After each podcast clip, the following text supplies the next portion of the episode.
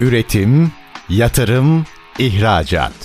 Üreten Türkiye'nin radyosu Endüstri Radyo sizin bulunduğunuz her yerde. Endüstri Radyo'yu arabada, bilgisayarda ve cep telefonunuzdan her yerde dinleyebilirsiniz.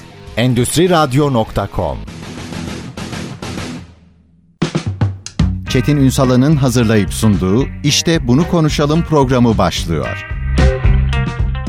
İşte bunu konuşalımdan merhabalar. Türkiye'nin gerçek gündeminde birlikteyiz efendim. Bugün bir sorunun yanıtını arayacağız. Restoran ve franchise dünyasında neler oluyor? Aslında bu o kadar derin bir başlık ki altına doğru işlediğimizde neler çıkacağını şimdi hep birlikte o yolculukta sizlerle göreceksiniz, şahitlik edeceksiniz. Kıymetli bir konuğumuz var bugün. Restoran mimarı, CEO Mimarlık kurucu ortağı Cüneyt Onur. Bugün işte bunu konuşalım konu. Sayın Onur hoş geldiniz efendim. Efendim çok teşekkürler, hoş bulduk. Nasılsınız? Var olunuz, sizler de iyisiniz umarım. Çok teşekkürler, sağ olun. Hocam şimdi franchise tarafına geleceğim, restoran tarafına da geleceğim ama ilk önce ben mekanların ruhu olduğunu ve yaşayan birer varlık olduğunu düşünenlerdenim. Evet, katılıyoruz. Şimdi hep şunu görmüşüzdür. Bir yerde bir yer e, bir işletme açılır, olmaz.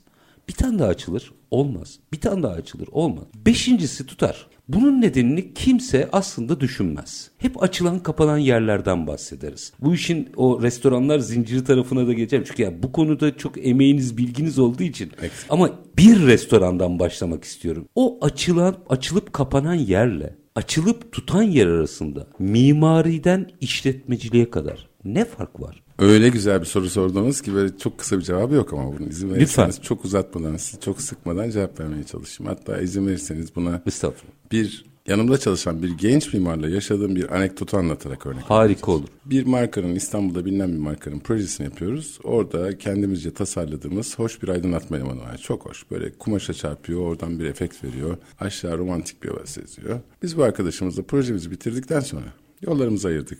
Muhtelif nedenlerle Ankara'ya taşındı. Bir gün bana telefon etti. Abi ben orada yaptığımız, şu şurada yaptığımız projede kullandığımız aydınlatmaları aynısını kullanmak istiyorum. Hakkını helal et. Evladım dedim kullan ya. Artık kullanmışız bitmiş. Meraktan sordum evladım ne için kullanacaksın bunu? Abi dedi ben sanayi mahallesinde bir sulu yemek restoranı yapacağım. Orada kullanacağım. Evladım dedim biz nerede kullandık? Abi dedi şu şu markadaki biz fine dining bir İtalyan restoranında kullandık. İtalyan restoranı sanayide açacak. Evet, fine dining restoranda kullandığımız bir aydınlatma armatürünü bu yanımızda çalış. Evladım demiştim o zaman. Ben sana mesleği bırak demiştim bak hala inat ediyorsun. Şimdi hikayenin özü galiba şu. Çok güzel. Hikayenin özü galiba şu. Şimdi çok güzel bir şey söylediniz. Bir restoran açılıyor. İsterseniz çok uzatmadan restoran ne? Açarsanız sevinirim. Evet. Şimdi bizim restoran dediğimiz şey şu mudur acaba? Sadece karın doyurmak için gittiğimiz bir yer değil galiba öyle değil mi? Karın doyurursak Tabii ki. böyle sandviç arasında şu kaşar peynir alsak. Büfede de halledebiliriz Evet, şeyi. bir salam koysak, azıcık da domates, böyle karnımız doyar, sıcacık falan. Galiba çok öyle değil. Biz sosyal olmak için, bir şey kutlamak için. Tabii karnımızı doyurmak için ama eşimizle, dostumuzla, değil mi? Do- ortaklarımızla iş görüşmesi için muhtelif nedenlerle muhtelif restoranlara gideriz. Mesela öğlen sanayide bir iş yapıyorsak, arabamızı tamir ettiriyorsak orada güzel bir köfteci vardır. Böyle ağız tadıyla yeriz. O başka bir şeydir. Belki eşimizle bir yıl dönüm kutlayacağız. Başka bir yere gideriz. Başka bir şey, başka bir formatta, başka bir ışık altında. İş toplantısı vardır bambaşka bir yere Bambaşka bir gidersiniz. yere gidersiniz. İş nereye gidiyor? Ait olmak istediğiniz yer. O an galiba konu bu. Restoranları açarken işletmecilerin galiba öngörmediği bize gelen müşterilerimize çok mu uzatıyorum bilmiyorum. Hayır çok güzel konuşuyorsunuz. Dağıtmıyorum Lütfen inşallah. devam edin. İnşallah konuyu da dağıtmıyorum. Hayır hayır tam da konu- e, sormak istediğim sorunun yanıtını alıyorum. Çok teşekkürler. Şimdi bize gelen müşterilerimiz gelir gelmez en büyük hevesleri hep şudur. Ben şu noktada bir restoran açacağım. Mümkünse bir sene içinde de 200 şube açıp franchise çıkacağım. En büyük hayal budur. Halbuki ve gelir gelmez bize kaç para derler. Ben de onlara hep şöyle söylüyorum. Ben akşama bir yere yemeğe gideceğim. Bana bir pantolon, bir gömlek, bir ayakkabı alır mısınız? İçinden biraz muhakeme eden nereye gideceksiniz diye soruyor. Çünkü değil mi? Belki bir baloya gideceğim. Tabii. Belki bir davete gideceğim. Belki eşimle çıkacağım. Belki çok ciddi bir iş toplantısına gideceğim. Ya ne giyeceksiniz ben ne bileyim. Ben de diyorum ki ya siz bana pantolon alamıyorsunuz. Bir gömlek alamıyorsunuz. Bırakın pantolonu bir gömlek seçemiyorsunuz bana. Şu markadan da alabilirsiniz. Bu markadan da alabilirsiniz. Bizden mekanı tasarlamamızı, maliyeti çıkartmamızı ve bunu 5 dakikalık bir toplantı içinde size rakam söylememizi istiyorsunuz. Biz de şöyle cevaplarız genellikle. Ne satacaksınız? Kimin için satacaksınız? Hangi müşteri grubuna hedef seçeceksiniz? Hangi saatler içinde? Hangi servis tekniğini yapacaksınız? Ve kaç para ayıracaksınız? Genellikle cevabı doğru verilir mi? Biz sorularla almaya çalışıyoruz. Genellikle sektör şöyle algılanıyor. Sektörün önemli bir kısmı bu işe gerçekten bulaşıkçılık, komünik, garsonluk yaparak gelen bir zümrü var ama onlar gitgide azalıyorlar. En azından bir bölgede azalıyorlar. Tabii çok meşhurlarda çıkıyor arasından. İsim Elbette. söylemeyelim. Genellikle büyük gruplar, holdingler, inşaat firmaları çocuklarına, yeğenlerine ya da bizim de bir restoranımız olsun diye gelmek isteyenler var. Bir takım beyaz yakalılar ya ben Ahmet'in Mehmet'in yanında çalışacağım gider bir kahveci açarım. 3 lira kazanırım ama kendim olsun diye gelen var. Aslında inovasyon içinde gerçekten sektörü bilen, sektör ilerletmek ve sektörle beraber bir şey yapmak isteyen bizim bilinçli müşteri dediğimiz müşteri çok az. Dolayısıyla biz müşterilere sorular sorarak onları açmaya çalışıyoruz. Öncelikli sorulardan galiba en önemlisi bizim en önem verdiğimiz şey bu işi niye yaptıkları, niye yapmak istedikleri. Çünkü hepimiz şey zannediyoruz değil mi? Restorana bakıyoruz aman Allah'ım ne kadar çok müşteri var. Biri giriyor biri çıkıyor ama biz şeyi bilmiyoruz tabii. Oranın cost maliyetini, kaç Tabii. para kira ödediğini, kaç işçiyle çalıştığını, nasıl bir karlılıkla çalıştığını. Gıda işinde para var hocam. Evet. Bakın en klişe laf bu. Evet. Değil mi? Gıda Var mı işleri gerçekten? Hesabınızı yapmadıysanız var mı gerçekten öyle diyeyim? Doğru soru sorayım. Var ama bazı kriterlere göre var. Şimdi eğer kurulum aşamasına geri dönersek oradan da ne kazanacağımıza dönelim izninizle. Bize kaç para diyen müşterimize biz kaç para var diye sorduğumuzda zaten ilk kıyamet orada kopuyor. Ama Mimar Bey biz size geldik sizin bize söylemeniz lazım. Hayır hayır sizin bize tarif etmeniz lazım ne istediğinizi. Dolayısıyla büyük savaş orada başlıyor. O merhaleyi açtıktan sonra, atlattıktan sonra biz nerede açmak istiyorsunuz? Bakın ikinci nokta. Para kazanmaya gidiyorum aslında şimdi. Kazanıyor Doğru. muyuz, kazanmıyor muyuz? Örneklemelerle sorarız. Nerede, ne satacaksınız? Bir restoran siz söyleyin lütfen. O kadar geniş bir branş var ki ne satsın bu? Herkesin bilebileceği bir et restoranı olsun. Et restoranı olsun. Ama şunu kabul ederseniz değil mi?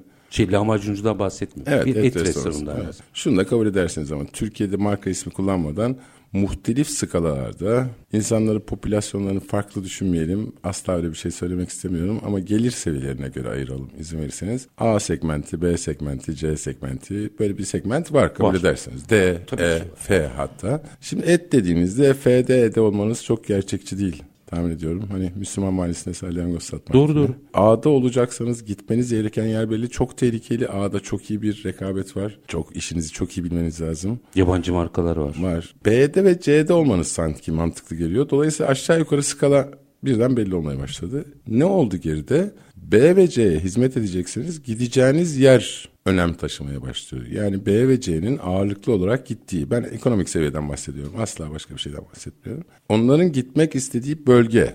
Değil mi efendim? Yani siz B Lokasyon seg- seçimine geliyoruz. Evet, lokasyon segment. Biz B segmentinde birini yine semt adı kullanmadan sonra bir kenar mahalleye yollayamayız diye düşünüyorum. Bir getto alana yollayamayız diye düşünüyorum. Dolayısıyla ne oldu? Gittiği yerin bir kiralama değeri başladı. Biz genellikle şöyle deriz. Hedef bakın nereden başladık? Ne satmak istiyorsun? Kime satmak istiyorsun? Kime satmak istediğimiz lokasyonu verdi. Lokasyon bize tahmini kirayı verdi. Tahmini kira ise bize ciroyu verecek. Nasıl? Örneklemelerle gidelim izin verirseniz. Rica ederim. 10 birim parayla bir yere gittiğinizi ya da 100 birim parayla bir yere gittiğinizi farz edelim. Bir mekan seçtiniz. İstediğiniz lokasyona uygun bir yer seçtiniz. Biz deriz ki bu sektörde eğer et ağırlıklı yani gıda ağırlıklı bir işletme yönetecekseniz makul kar marjı, kira marjı çok özür diliyorum %10 olmalı. O fiyatın içinde yüzde onu kira olmalı. Evet hiç aklınıza gelir miydi? Yani sizin yediğiniz Ben öğlen cevap- yemeğinde... Ben cevap vermeyeyim. Ben aşağı yukarı maliyet hesabı bilirim de ben hiç girmeyeyim ona. Evet ama dışarıdan bakanlar bunu öngörmüyorlar. Hani bir müteahhit beyefendi ya da bir iş adamı beyefendi ben restoran açmak istediğimde işte yüzde on. Bu tabii toplantılarla çıktığında bir kısmı bu işten vazgeçiyor. Bir kısmı daha çok sarılıyor. Yüzde on biz buna optimum diyoruz. Yüzde on ikiler belki on beş belki orada diğerlerinden almak lazım. Çok yukarı çıkarsanız tehlike başlıyor. İşte zaten para kazanma burada başlıyor. Orada bir şey var. Bir algıyı bozalım. Genellikle bunu maliyet olarak düşünüyorlar ama yatırım bu. Evet yatırım. Onu ne yapacağız? Yani Evet. bir türlü yatırım olduğunu anlatmakta sanıyorum güçlük çekme durumu var. Evet olay galiba şöyle oluyor. Bizim hepimiz için de geçerli olabilir. Bir şey bir yere para yatırdığımızda ne kadar sürede geri geleceği yani borsada da böyle değil mi? Altın şeyde, alırsak tabii. da böyle. Dolar aldık böyle. Bankaya faize koyduk. Ne kadar sürede ne alacağız galiba. Asıl problem bu galiba. Yani olay iş gibi görülmüyor. Bu bir yatırım gibi bakılıyor. Ve ben bu parayı ne kadar sürede geri alırım? Hatta mümkünse şöyle olsun. Ben parayı iki sene içinde geri alayım.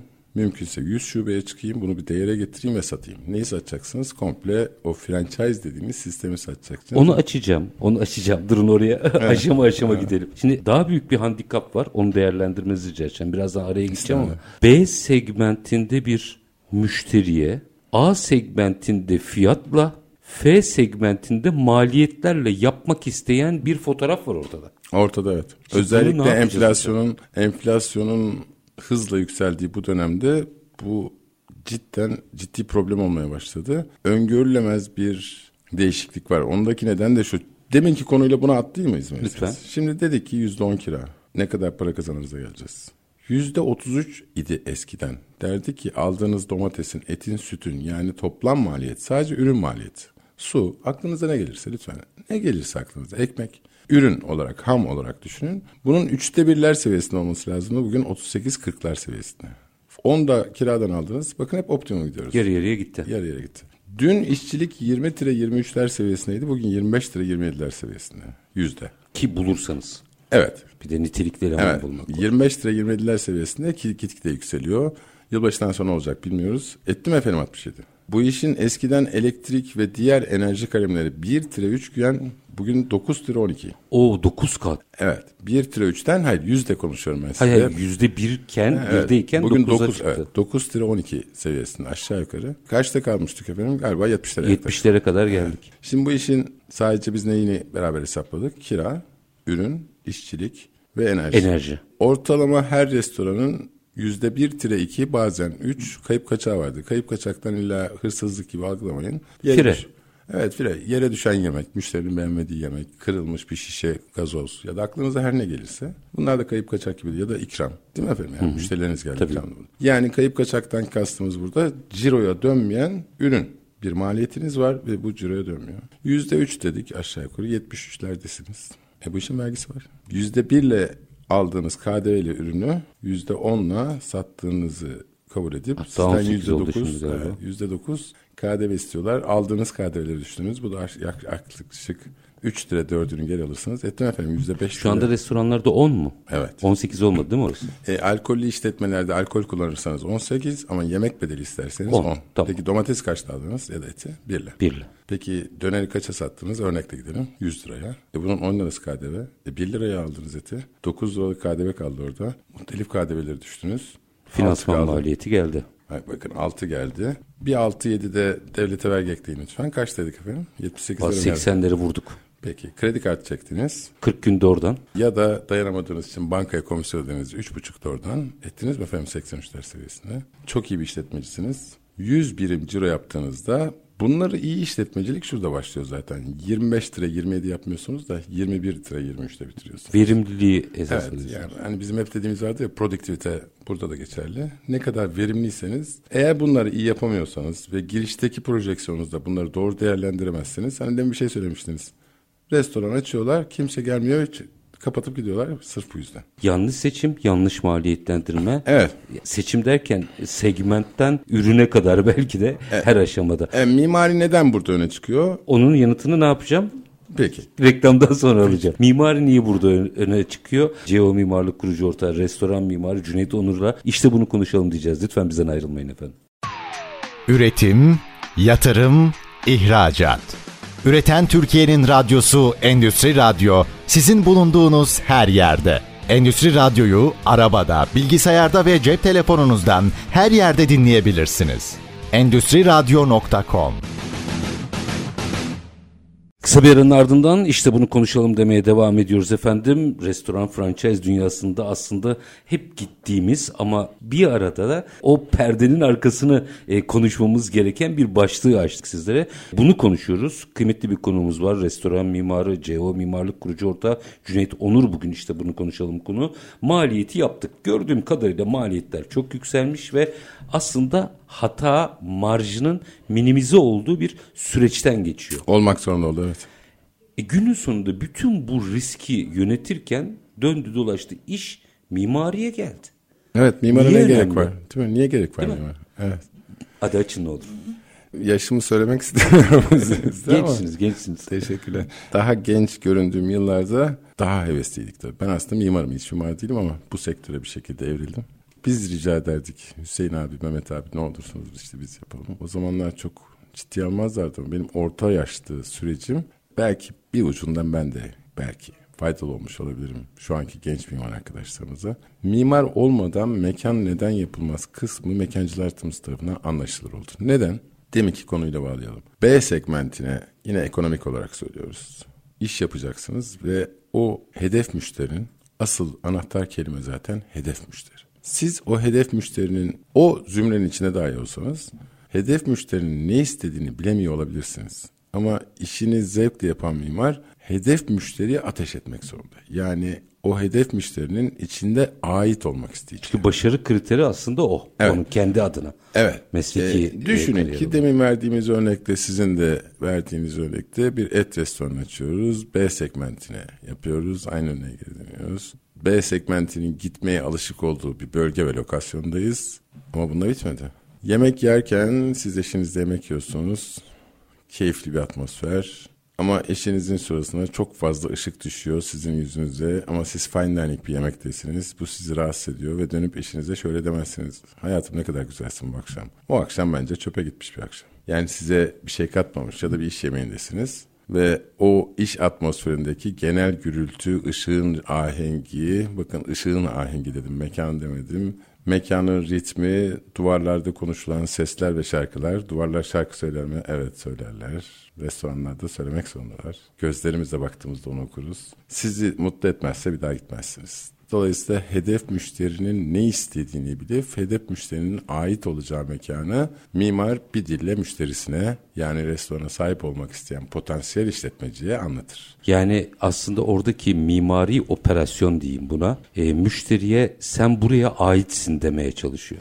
E, evet o müşteriye lütfen buraya gelin bakın biz sizin istediğinizi yaptık demek aslında. Biz sizi istiyoruz.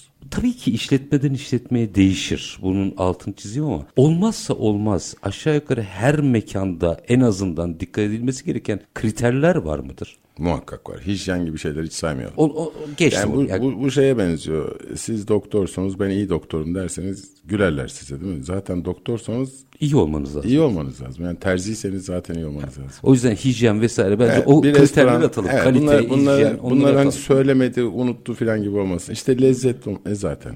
E, ben çok iyi tatlı yaparım e zaten. Bunlar her işletmede olması gereken. Ben fark yaratan Başarılı ortak olan unsurlar evet, var. başarılı olan işletmeler neyi yakalamış olabilir? Belki oradan Müthiş. bakmak lazım. Yoksa çok tekrar etmeden iyi yemek falan zaten olması gerektiğini düşünüyoruz. Bence en önemli kriterlerden bir tanesi bir ait olmak isteyen müşteriyi yani hedef müşterisini yakalamış restoranlar. Bunu neyle yakalıyorlar? Tabii ki sadece mimariyle değil. Tabii ki yemeğin sunumuyla, tabii ki inovasyon hareketleriyle, tabii ki personel eğitimiyle, servisiyle. Ama ben ortak olduğum başka projelerde de ortaklarım da hep dediler ki biz ne kadar başarılı operasyon yaparsak yapalım no name bir marka piyasaya çıktığında ilk mimari yüzüyle eğer bir marka değilseniz ve piyasaya yeni geliyorsanız ilk sizi mimari yüzünüzle algılıyorlar. Muhakkak ki mimari yüzü destekleyen her türlü grafik, tasarım, logosu dahil olmak üzere. Bunlar da çok etkili. Ama bence bir restoranı başarılı kılan asla marka söylemeyeceğim.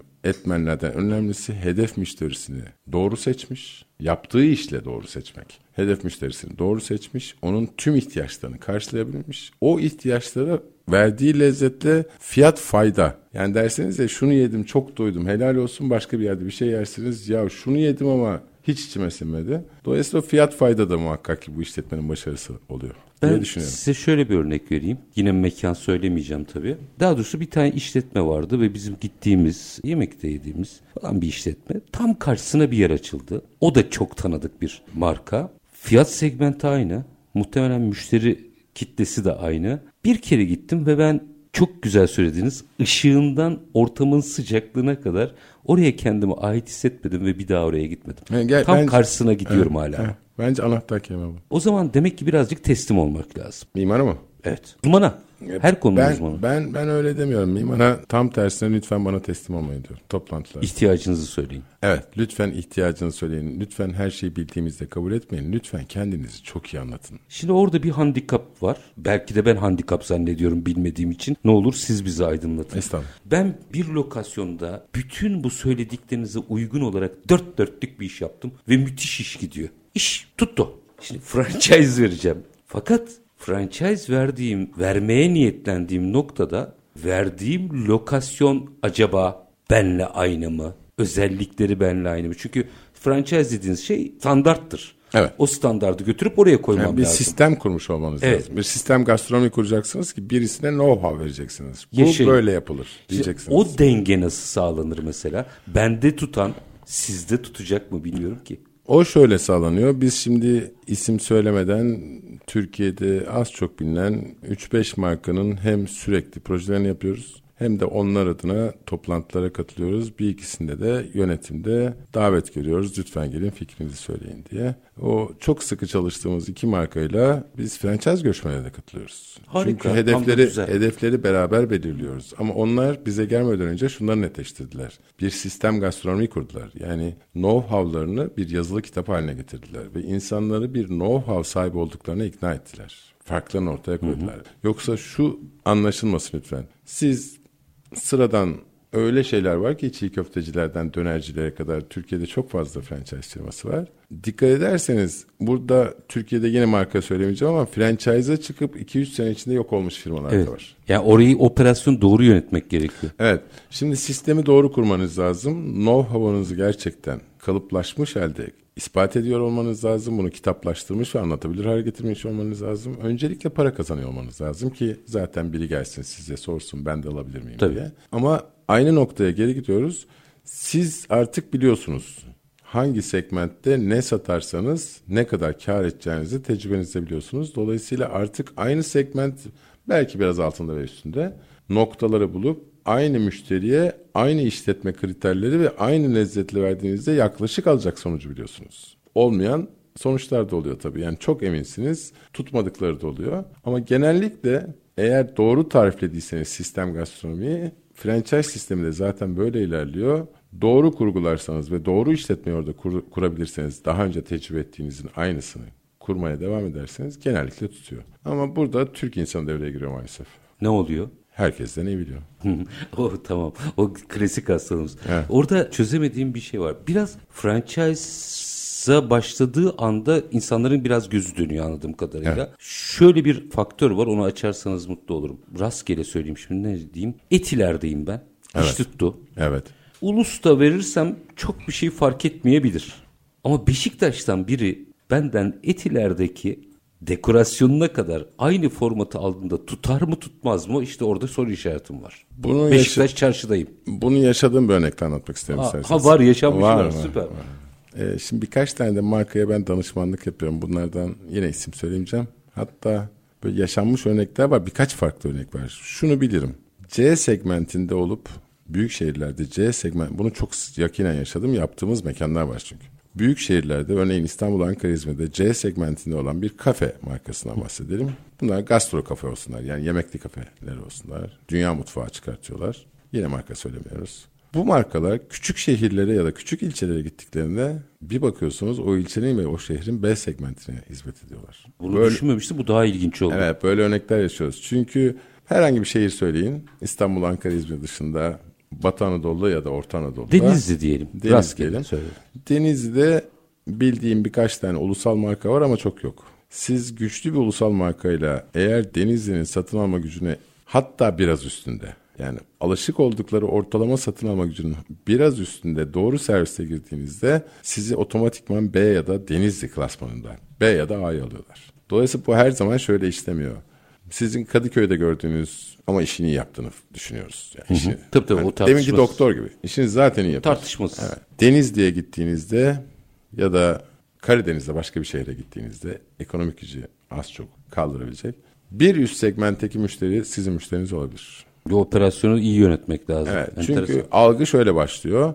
Ulusal bir marka ya da İstanbul'da, Ankara'da, İzmir'de tabelasını gördüğü, duyduğu, işittiği, arkadaşlarından duyduğu marka. Oraya geldiğinde sizi otomatik kabul ediyorlar. Kendilerinden bir parça olarak görüyorlar onu. Enteresan. Bunu işte tabii yine marka ismi vermiş ama İstanbul'da görüp aslında daha üst segmentte algılandığı şahitliğim mesela Eskişehir'de kasabada var. Evet biliyorum. 3-5 tane var de. Evet evet. Yani 3-5 tane. aslında Evet. İstanbul'da çok standart Evet. e, marka Evet. ama orada lüks 3-5 marka var hem de. gözüküyor. Evet. 3-5 marka var orada. Bu enteresandı. Şimdi minik bir araya gideceğim tekrar ama şu sözlerinizden şunu anlıyorum. O hazır bana bir tane franchise imkanı gelmişken hemen vereyim değil, onu da operasyonel olarak yönetmem gerekiyor. Evet. Gerekiyorsa vermeliyim. Evet. Yaşayın. Açacağım birazcık daha. Kısa bir ara. Aranın ardından restoran mimarı, CEO Mimarlık Kurucu Ortağı Cüneyt Onur'la sohbetimiz devam edecek. Lütfen bizden ayrılmayın. Üretim, yatırım, ihracat. Üreten Türkiye'nin radyosu Endüstri Radyo sizin bulunduğunuz her yerde. Endüstri Radyo'yu arabada, bilgisayarda ve cep telefonunuzdan her yerde dinleyebilirsiniz. Endüstri Radyo.com Kısa bir aranın ardından işte bunu konuşalım demeye devam ediyoruz efendim. Restoran temelli franchise dünyasında neler oluyor bunu konuşuyoruz. Aslında hepimizin belki günlük hayatta gittiğimiz ya da önünden geçtiğimiz artık herkesin şahsi tercihidir. O dükkanın o kapının içinde neler yaşandığını ve aslında başarının ve başarısızlığın kriterlerini konuşuyoruz. Kıymetli bir konumuz var. Restoran mimarı, CEO Mimarlık kurucu ortağı Cüneyt Onur bugün işte bunu konuşalım konu. Burada merak ettiğim birkaç husus daha var. Mesela bütün bunları bir kere nefis örneklerdi. Yani her sorduğum sorunun canlı bir örneği tabii. Yani siz yıllardır bu işin içinde oluyorsunuz. Ben soru olarak düşünüyorum. Siz yaşamışsınız meğersem onları. Şunu merak ederim. Bir trend var. Dünyada değişiyor. Mesela şimdi tüketici değişiyor, insanlar değişiyor, beklentiler değişiyor. Dünyada hem restoran işletmeciliği hem de mimari anlamda konuşulanlar bugünden farklılaşıyor mu? Orayı da merak ederim mesela. Bana sorarsanız çok farklılaşıyor. Müşteri tipi kesinlikle farklılaşıyor. Biz hasbelkader Avrupa'da da her sene 3-4 tane olmak üzere iş yapıyoruz. Sormadınız ama deseniz ki eğer deseydiniz ki Orta Avrupa'da ki mimarlar mı daha hedef müşterisine uygun mekanlar yaratıyorlar yoksa Türkiye'den giden ki çok fazla meslekte arkadaşım var. Hep beraber dışarıda çok iş yapıyoruz diye ben Sormuş kabul edin. Evet biz daha iyiyiz diyorum. Sonra böyle dediğimizde neden sorusu aklınıza gelecek muhakkak. Çok basit birkaç örneği var. Bunlardan bir tanesi soruyu dağıtmıyorum değil mi? Oraya Hayır, da hayır, ben. Bunlardan bir tanesi daha yakın zamanda bir Fransa Paris örneğimiz var. Orada da çok canlı şekilde bunu gördük. Bizde çok fazla çeşit malzeme var. Dünyanın her yerinden bize malzeme geliyor. Aklınıza nereden gelirse uzak doğudan da Avustralya'dan da Amerika'dan da Orta Avrupa'dan da. Birincisi gerçekten çok fazla var. İkincisi bizde işçilik hala oraya göre çok ucuz. Dolayısıyla bizdeki Türk mimarlar hem çok rekabet olduğu için gerçekten bizde çok ciddi rekabet var. Orada daha hayata başka bakıyorlar. Biz biraz daha belki gösteriş tarafından bakıyor olabiliriz toplum olarak. Onun için belki daha çok rekabet var. Ama daha ucuz işçilik nedeniyle biz buradaki Türk mimarlar buna da alışığız hem de rekabet nedeniyle daha zor detaylarla imal edilecek projeler çizebiliyoruz. Ve bu anahtar... Zorluyoruz yani. Evet zorluyoruz. Aslında mekanın hakkını veriyoruz belki. Ama orada malzeme o kadar tanımlı ve o kadar farklı fiyatlarla satılıyor ki ve işçilik o kadar pahalı ki.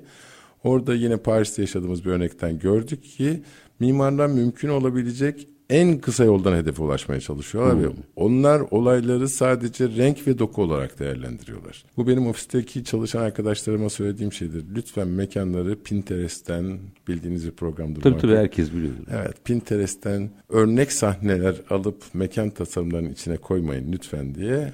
Çünkü bu demin konuştuğumuz konuya aykırı bir konu. Hani hani mekanımız ait olduğu müşteriye. Tabii Ahmet'in yeri Mehmet'e uymaz ki bir sürü Evet, özellik evet, var. Evet. Demin arada konuştuğumuz örnek gibi siz New York'taki bir mekanı alıp Bostancı vapur iskelesine koyarsanız olmuyor. Yani biri vapur iskelesi öbürü fine dining bir restoran. Dolayısıyla biz bu konuda gerçekten iyiyiz. Trendler. Avrupa'dan etkileniyoruz artık yavaş yavaş. Diyeceksiniz ki ya Cüneyt hem öyle diyorsun hem öyle diyorsun. Çünkü bize de maliyetler çok pahalı olmaya başladı. Tabii.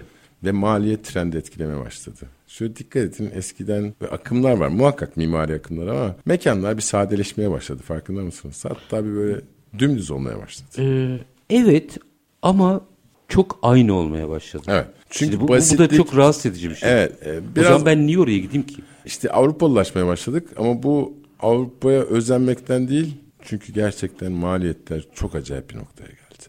artık biz de sadeleşmeye başladık. Ve mümkün olmayan noktalarda artık restoran mimarisine izin verirseniz bir müzik gibi Lütfen değerlendirebilir miyim? Yani mekanları siz de demin çok güzel bir şey söylediniz. Hani duvarların. Ben mekanları kadın erkek olabileceğine, yaşı olabileceğine, bir müzik türüne ait olabileceğine inanıyorum. Bir grafiker arkadaşım vardı. O bana sorardı bir proje başladığında. Cüneyt abi yaşı kaç? Cinsine?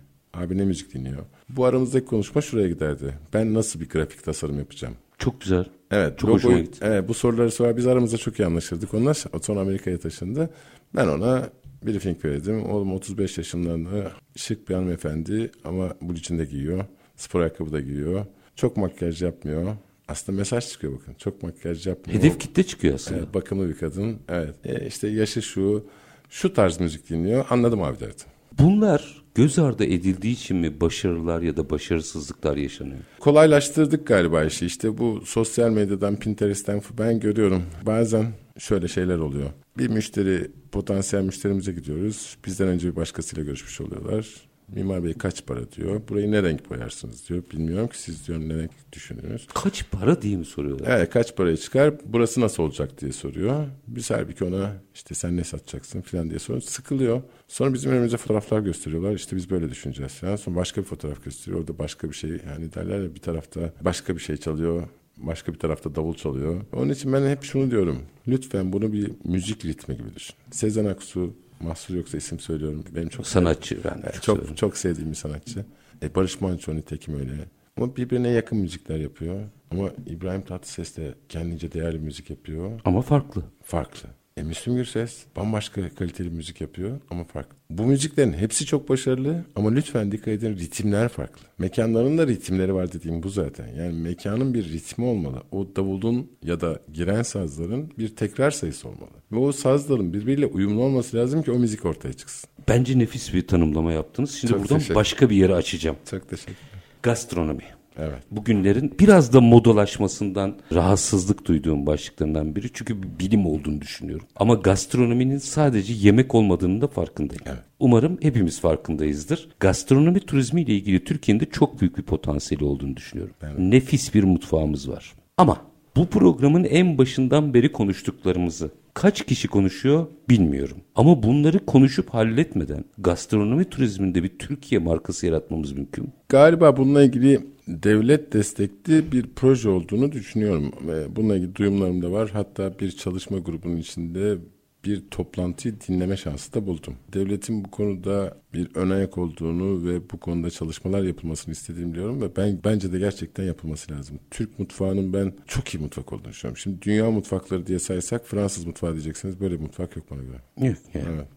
İtalyan mutfağı belki saygı duyuyorum. Çin mutfağı gerçekten saygı duyuyorum. Fransız mutfağının sayılıyor olması bile bana komik geliyor. Böyle bir mutfak yok çünkü. Saysanız yok böyle bir mutfak. Türk mutfağı galiba doğru anlaşılmıyor. Tabii Türk mutfağı Arap mutfağıyla, Ege'de Yunan mutfağıyla bir sürü mutfakta karışıyor. Anadolu aslında Evet, işte. Anadolu, evet. Hikaye bu, Bu zaten. mutfak bu mutfak doğru anlatılmıyor. Aslında baktığınızda Türk mutfağı deyince aklımıza kebap döner geliyor olması çok acı. Ya da işte şiş kebap geliyor olması çok acı. Gastronomi turizmi gerçekten o Anadolu'nun lezzetleriyle bütünleşebilirse Ege'nin o değil mi güzel zeytinyağlı otlarıyla ya da Güney Anadolu'nun, Doğu Anadolu'nun o farklı et tatlarıyla, Anadolu'nun, Orta Anadolu'nun farklı hamur işlemeleriyle, bu zenginlik ya da Karadeniz'in o kendine has tatlıları bilirsiniz, o balık çeşitlemeleriyle birleşse, hatta o karalahana dolması hemen aklıma gelen, bunlar doğru işlenebilse bence bir gastronomi turizmi Türkiye için gerçekten Türkiye'nin açabilecek bir şey. Ama biz gastronomi turizmini kebapta ve döner bizim şeklindeki büyük bir inatta evet döner bizim ama gerçekten Türk mutfağı bunun çok ötesinde mutfak. Öyle yemeklerimiz var ki unutulmuş gitmiş ve kimse bunlara eğilmiyor. İşte biliyorsunuz bir ot festivali falan gibi zorlamalar var ama galiba bunun daha bilimsel, daha böyle devlet doktriniyle belki üniversite eşliğinde çözülmesi lazım. Nitekim 18 Mart Üniversitesi'nde bir çalışma grubunun içindeyiz biz. Dönem dönem onlara katılıyoruz Çanakkale'de. Daha çok yol var bence ama en azından bence bir hareket var. Gastronomi veya mutfakla ilgili bence Türkiye'nin hiçbir sorunu olmaz doğru kurgulanırsa. Fakat burada yine konuştuğumuz konuya geleceğim. Bunların hiçbirini bağdaş kurup sokakta yemeyeceğiz. Evet. Günün sonunda hepsinin belli bir prensip içerisinde ve kendi dokusuna uygun olarak Evet. doğru bir restoran işletmeciliğinde sunuluyor olması lazım. Evet. Niye Almanya'da bir fuara gittiğinizde bir şehirde rastgele söyleyeyim atıyorum Köln diyeyim. Köln'de bir restoranın önünde kuyruklar görürsünüz. niye Türkiye'de çok az bir iki işletmede Bursa'da vesaire biliyorum ama çok az yaşarız bunu. İşletmecilik yine gastronomi turizmini restoran işletmeciliğine bağlamak isterim. E, tabii bizim şimdi işletmecilik konusunda diğer tüm işletmeciler hakkında bilgi sahibi olduğumuzu söylesek ya da onları eleştirsek ayıp olur. Ama şu eksik mi derseniz e, demin söylediğiniz konuya geri dönüyor gibi olacağız ama olaya para kazanmak olarak baktığınız evet. zaman işletmecilik mefhumunu kaybetmiş oluyorsunuz. İlk benim çok yakın dostlarım var. Yani müşteri ne derse ben bunu ciddiye alacağım ya da franchise sistemi yöneticisi çok yakın dostlarım var. Böyle beraber yiyip oturduğumuz, güldüğümüz hatta seyahat ettiğimiz dostlarımız var. Ee, onlar şey derlerdi. Ya franchise ne derse biz dinleyeceğiz. Şu şu marka onu yapmadı biz yapacağız ama günün sonunda iş oraya gitmiyor. Günün sonunda ben bilirimcilik başlıyor. Türkiye insanının genel problemi. Bilerek mi? Bilmeyerek. Sorun bu işte. Ee, inovatif değiliz kabul edersiniz. Ee, araştırmacıyız aslında taklitçiyiz. Yani restoranlar şöyle bir dikkat edin çok az inovatif mekan var. Herkes bir diğerini taklit ediyor. Ee, biri bir lezzet bulduğunda Kadıköy örneğinden şimdi gidelim. Biri, hmm. Söylemeyeceğim ama biri bir yeni bir tatlı bulduğunda bir ay içindeki bütün mekanlarda. Tabii tabii. iki sene önce bunu yaşadık. Evet. Hemen pandemiden sonra. Evet, evet. Her yer hatırlarsanız. lokmacı oldu. Ee, şimdi de her yer, not, yani. her yer natacı şu anda. Ee, dolayısıyla inovatif değiliz. Olaya sadece para kazanmak gözüyle baktığımız için kendimizi geliştirmiyoruz. Kendi yapmamız gerekenlere odaklanmıyoruz. Hep yan komşunun ne yaptığını, yan komşunun nasıl kazandığına ilgileniyoruz. Sistem onun için bir yerde tıkanıyor. Ama bir yandan da çok ciddi atılım içinde olan genç markalar var gerçekten. Çok bilinçli gelen markalar var. Bizden de yardım istiyorlar. Günlerce gelip sohbet edip toplantı yapmak isteyen marka temsilcileri var. Gelip sohbet ediyorlar. Ne yapmamız lazım diye. Aslında hazır bütçeleri de yok. Bunun için fon bulmaya çalışan arkadaşlarımız var. Çok iyi fikirlerle gelen ben adaylar görüyorum. Genç nesil daha biliyorsunuz serbest çalışmak istiyor. Hmm. Bir yere bağlanmadan çalışmak istiyor. Restoran işte çok uygun aslında. Onlara öyle geliyor. Yani öyle mi? Yani aynı zamanda yani restoran mimarsınız ama işletmeciliğini de yaptığınız için çok rahat söylüyorum. Evet, Öyle evet, mi? işletmeciliğini yaptığım bir restoranım var.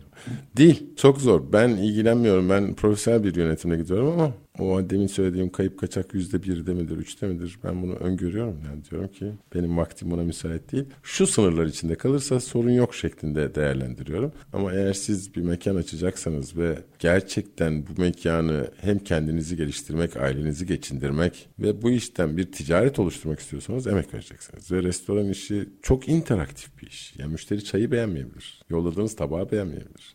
Her an tuvalette bir aksilik çıkabilir. Tabii, tabii. Her an yemeğin içinden bir saç çıkabilir. Dolayısıyla çok sistem bir iş kurmadıysanız bu riskleri göz alamazsınız ve dolayısıyla başında kalırsınız. Ben hiç tatile gitmemiş restoran işletmecisi bilirim. Hiç. Bu sağlıklı mı? E değil tabii. Bu da işte bu... Hatayı arttırmaz mı bu? Evet. Körlük başladığı gibi bir yandan hem personelle yüz göz olmayı işte çok konuşuyormuş gibi oluyorum. Çok bir şey ama o kadar gözlemledim ki o kadar şöyle olmuştu. İlk beş restoranı yaptığımda mimar olarak ya bu iş ne kadar kolay dedim ben. Çok kolay iş. Ki bu kadar operasyonu görmenize rağmen. Yok. Demek ilk, ki zehirlenebiliyor insan. Da, hayır hayır bakın şöyle örnekleyeceğim. Kendimi doğru izah edemedim. İlk Mesela. beşinci yani bir iki üç dört beş tane restoran mimarisi yaptım. Of dedim acayip güzelmiş bu iş. Sonra 15-20 oldu.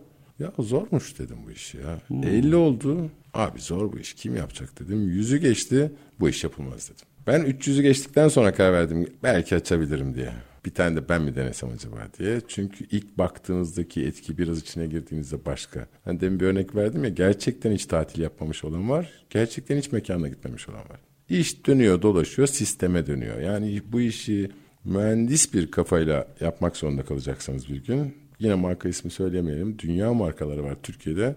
Hiçbir restoran sahibi boşuna değil. Bence buradan da herkes dersini çıkarsın. Evet.